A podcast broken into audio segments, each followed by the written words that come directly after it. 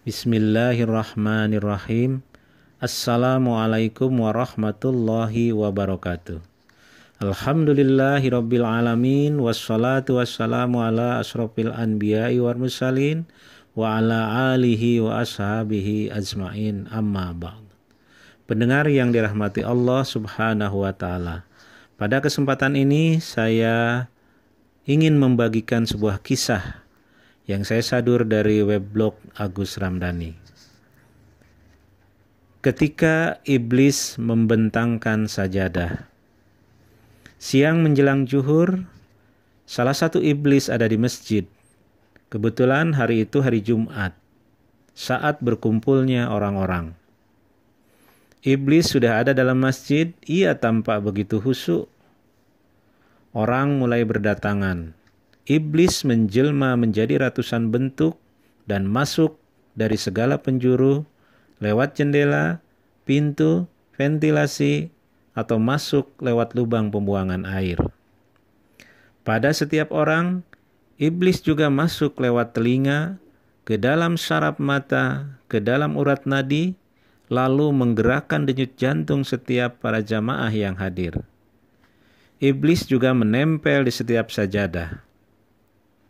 Hai iblis, panggil kiai. Ketika baru masuk ke masjid itu. Iblis merasa terusik. Kau kerjakan saja tugasmu kiai, tidak perlu kau larang-larang saya. Ini hak saya untuk mengganggu setiap orang dalam masjid ini.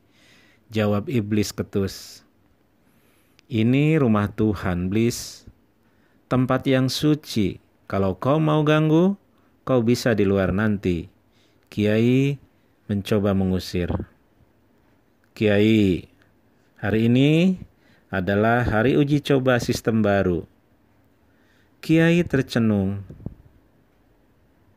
Saya sedang menerapkan cara baru untuk menjerat kaummu.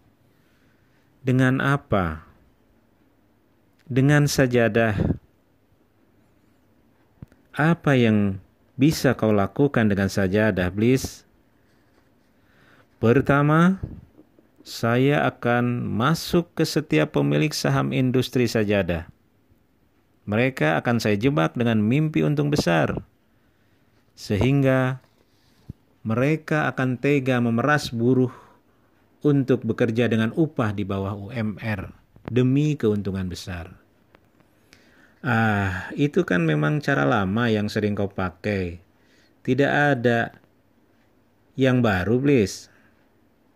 Bukan itu saja, Kiai. Lalu, saya juga akan masuk pada setiap desainer sejadah. Saya akan menumbuhkan gagasan agar para desainer itu membuat sajadah yang lebar-lebar. Untuk apa? Supaya saya lebih berpeluang untuk menanamkan rasa egois di setiap kaum yang kau pimpin, Kiai. Selain itu, saya akan lebih leluasa masuk dalam barisan sholat.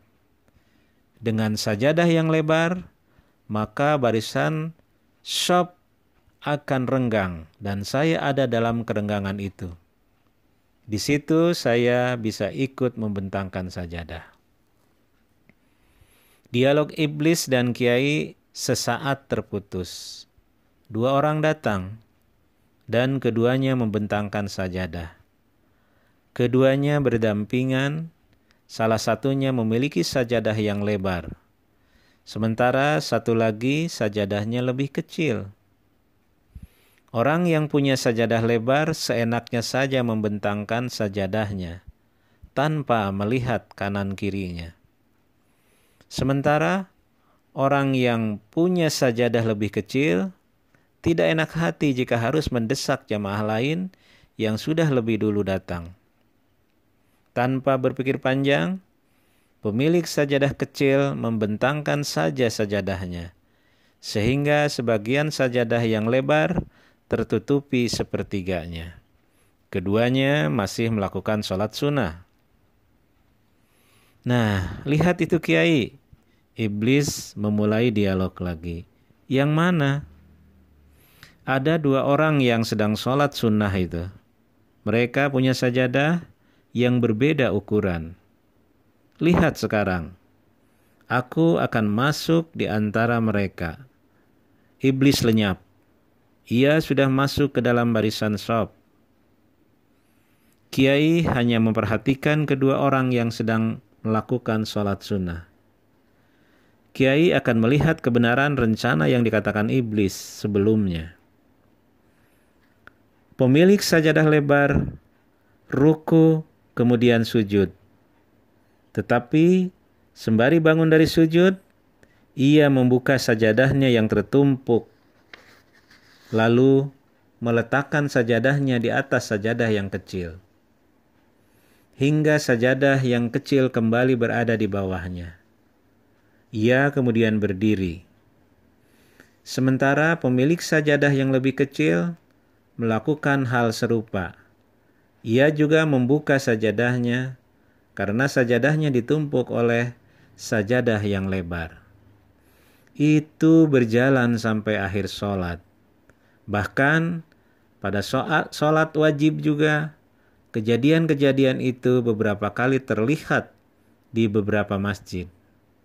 Orang lebih memilih menjadi di atas ketimbang menerima di bawah. Di atas sajadah, orang sudah berebut kekuasaan atas lainnya. Siapa yang memiliki sajadah lebar, maka ia akan meletakkan sajadahnya di atas sajadah yang kecil. Sajadah sudah dijadikan iblis sebagai pembedaan kelas. Pendengar yang saya muliakan, pemilik sejadah lebar diidentikan sebagai para pemilik kekayaan yang setiap saat harus lebih di atas daripada yang lain. Dan pemilik sajadah kecil adalah kelas bawah yang setiap saat akan selalu menjadi subordinat dari orang yang berkuasa. Di atas sajadah, iblis telah mengajari orang supaya selalu menguasai orang lain. Astagfirullahaladzim. Ujang, ujar sang kiai pelan. Pendengar yang saya muliakan, demikian yang bisa saya sampaikan pada kesempatan ini. Mudah-mudahan kita bisa bercermin dari kisah seperti di atas. Nasrum minallah wa fatun qarib wa basyiril mu'minin wassalamu alaikum warahmatullahi wabarakatuh